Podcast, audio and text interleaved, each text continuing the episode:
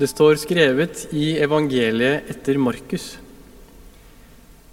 Jesus tok med seg Peter, Jakob og Johannes og førte dem opp på et høyt fjell hvor de var alene. Der ble han forvandlet for øynene på dem, og klærne hans ble så skinnende hvite at ingen som bleker klær her på jorden, kan få dem så hvite. Elia viste seg for dem sammen med Moses, og de snakket med Jesus. Da tok Peter til orde og sa til Jesus, 'Rabbi, det er godt at vi er her. La oss bygge tre hytter, en til deg, en til Moses og en til Elia.' Han visste ikke hva han skulle si, for de ble grepet av stor frykt. Da kom det en sky og skygget over dem, og det lød en røst fra skyen. Dette er min sønn, den elskede. Hør ham. Og med ett, da de så seg omkring, så de ingen annen enn Jesus. Bare han var hos dem. På veien ned fra fjellet påla han dem at de ikke skulle fortelle noen hva de hadde sett, før menneskesønnen var stått opp fra de døde. De tok til seg dette ordet, og de diskuterte seg imellom hva det er å stå opp fra de døde. Og de spurte ham, hvorfor sier de skriftlærde at Elia først må komme? Han svarte, Elia kommer først og setter alt i rette stand. Men hvordan kan det da stå skrevet om menneskesønnen at han skal lide mye og bli foraktet? Jo, jeg sier dere, Elia er allerede kommet, og de gjorde med ham som de ville, slik det står skrevet om ham. Slik lyder det hellige evangelium. Kjære alle sammen. Det er et spenn og et vidd i Kristus. Vi er kommet til Kristi forklarelsesdag og har de siste ukene blitt tatt med gjennom en reise.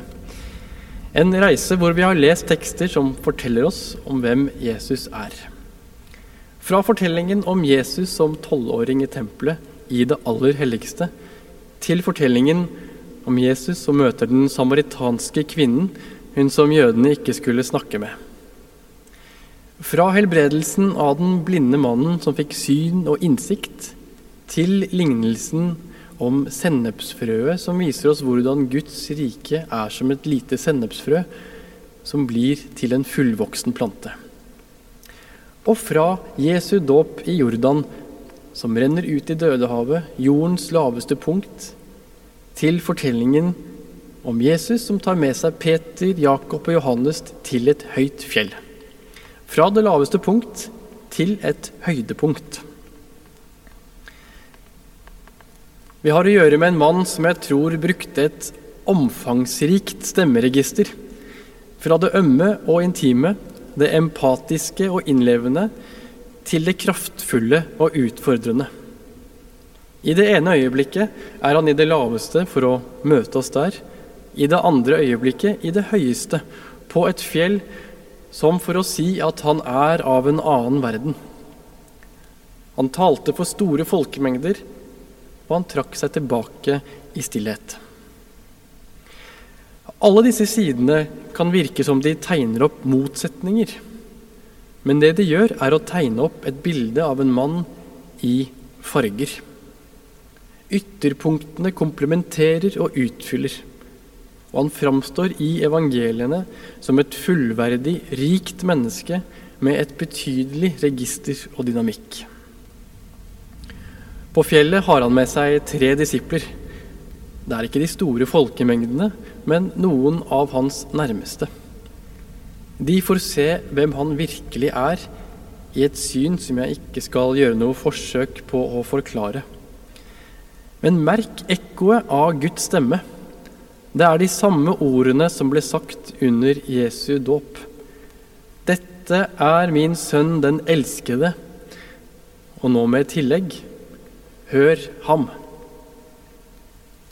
Hør ham. Hvilke stemmer er det vi egentlig lytter til? Jeg må si at dette er et spørsmål som jeg stadig kommer tilbake til i mitt eget liv. fordi det krever noe av meg. For på alle kanter er det noen som vil meg noe, som uttaler seg mer eller mindre innsiktsfullt og overbevisende. Selv hvert eneste Google-søk får konsekvenser. Om jeg f.eks. googler på stereoanlegg, som jeg gjorde her om dagen, flommer plutselig feeden over av tilbud på hifi-utstyr. Altså noe jeg er positivt innstilt overfor i utgangspunktet, og som forsterkes gjennom målretta reklame. Kritikken av sosiale medier er at det blir et ekkokammer for meninger, hvor det vi allerede er opptatt av, speiles og forsterkes. Det vet vi. Og vi kjenner alle til hvordan falske nyheter har blitt et kraftig virkemiddel for å påvirke mennesker politisk.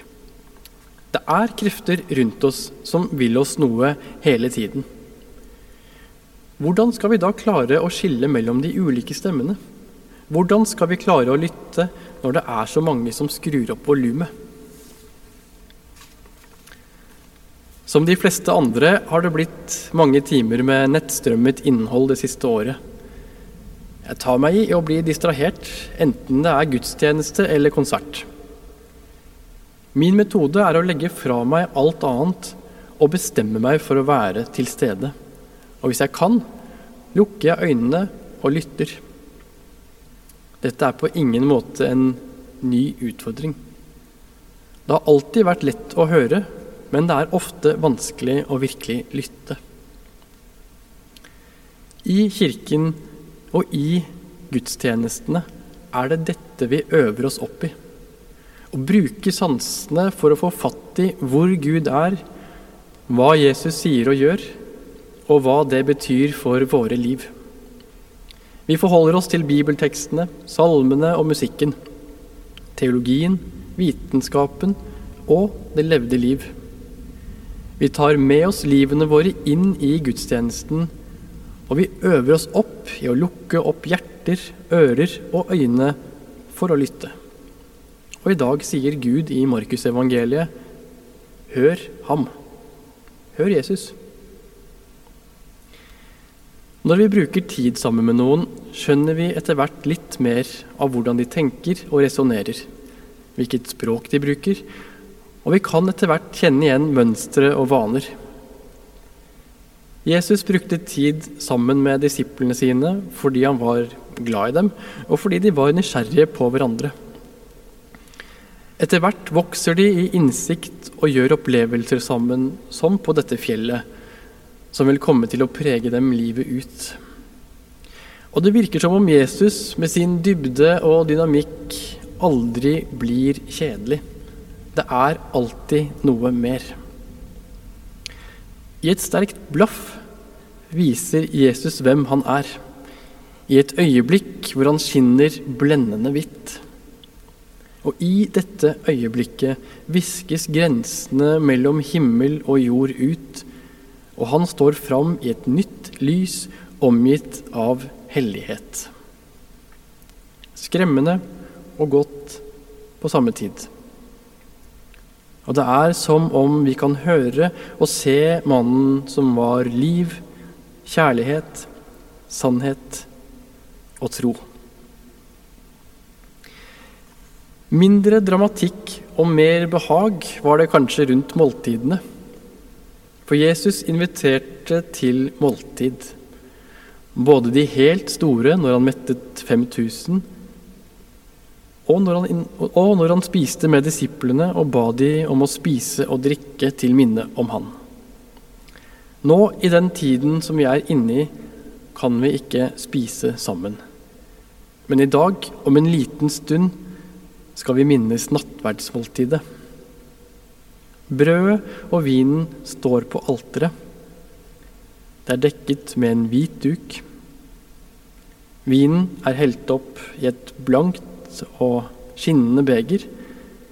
Oblatene er i en rund, utsmykket sølvboks. Og så står det blomster rundt.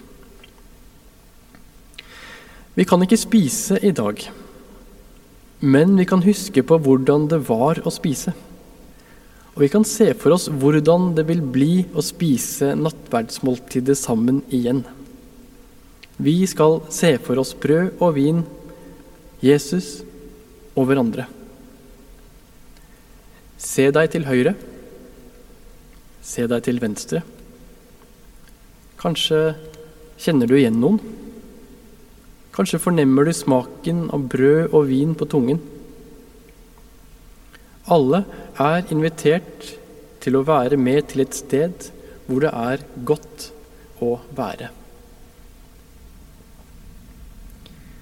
Ære være Faderen og Sønnen og Den hellige ånd, som var, er og være skal, en sann Gud fra evighet og til evighet.